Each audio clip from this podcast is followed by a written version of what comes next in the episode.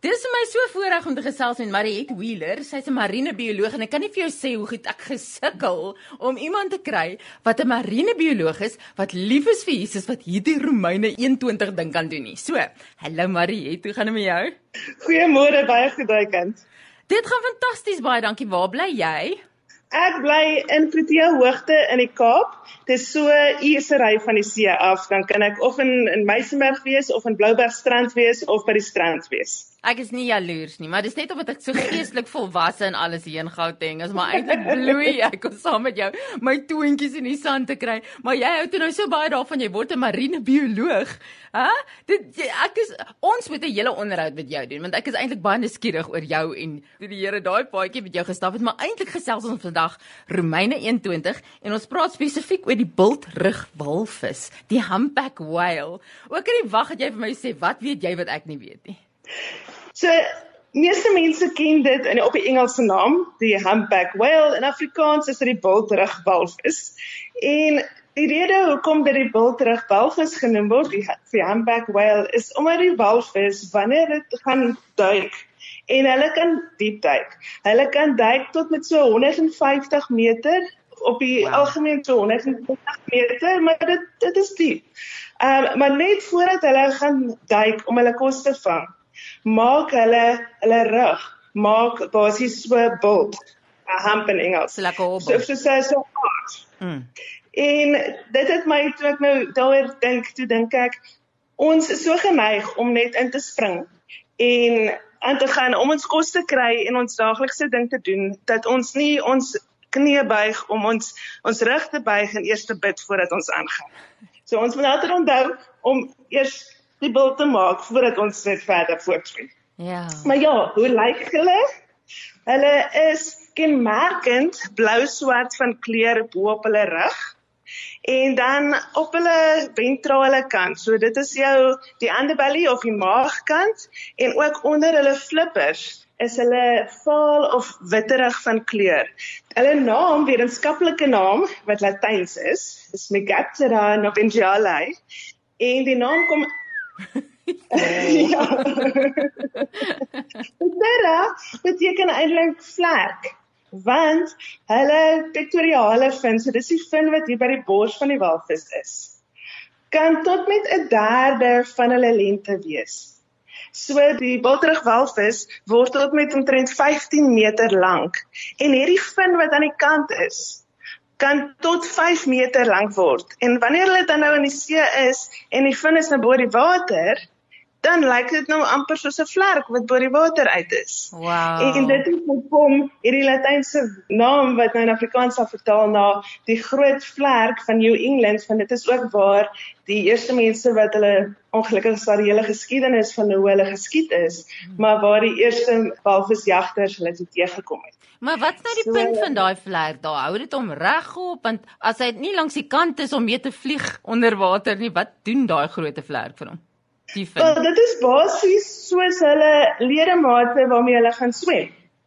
So wanneer hulle gaan migreer, dis soos ons arms. Okay, hulle gaan nou nie goed optel nie, maar hulle gebruik dit natuurlik is ook hulle hulle sterk fin hulle sterk om hulle deur die water te stuur. Maar wanneer hulle dan nou basies stil is, en in die water is dan kan hulle hulle chill 'n bietjie. en hulle Nou dis asof jy so 'n bietjie strak met jou hand boontoe. Vang 'n bietjie wind daarbo. ja. Ehm um, gepraat van hulle migrasie. Hulle is van die diere wat die langste migrasies het. Hulle het onlangs, hulle algemeen is uh, so omtrent 5000 km wat hulle migreer. Wow. Tussen die poolse dele en aan die tropiese of subtropiese areas. So hoekom migreer hulle so ver? Want hulle eet in die poolse dele, eet hulle plankton en hulle eet krill en klein visse. En hulle eet basies in die somermaande in Antarktika eet hulle en dan migreer hulle hierdie ver afstand en dan migreer hulle tot waar hulle dan kom broei. So hulle aan in terme van Suid-Afrika migreer hulle aan beide kante aan die ooskus en die weskus op tot daar Mosambiek, Madagaskar se kant en aan die ander kant so Angola se kant. En dit is dan waar hulle hulle kleintjies gaan kry um, en hulle hulle broei dan ook daar voordat hulle dan nou weer gaan terug migreer. So hulle migreer so twee keer 'n jaar hierdie massiewe lang afstand. En wetenskaplikes kyk nog presies maar hoe wat sorg dat hulle hierdie 5000 km kan reis en ons bevind dat hulle bitter min afwyk van hulle pad af. Hmm.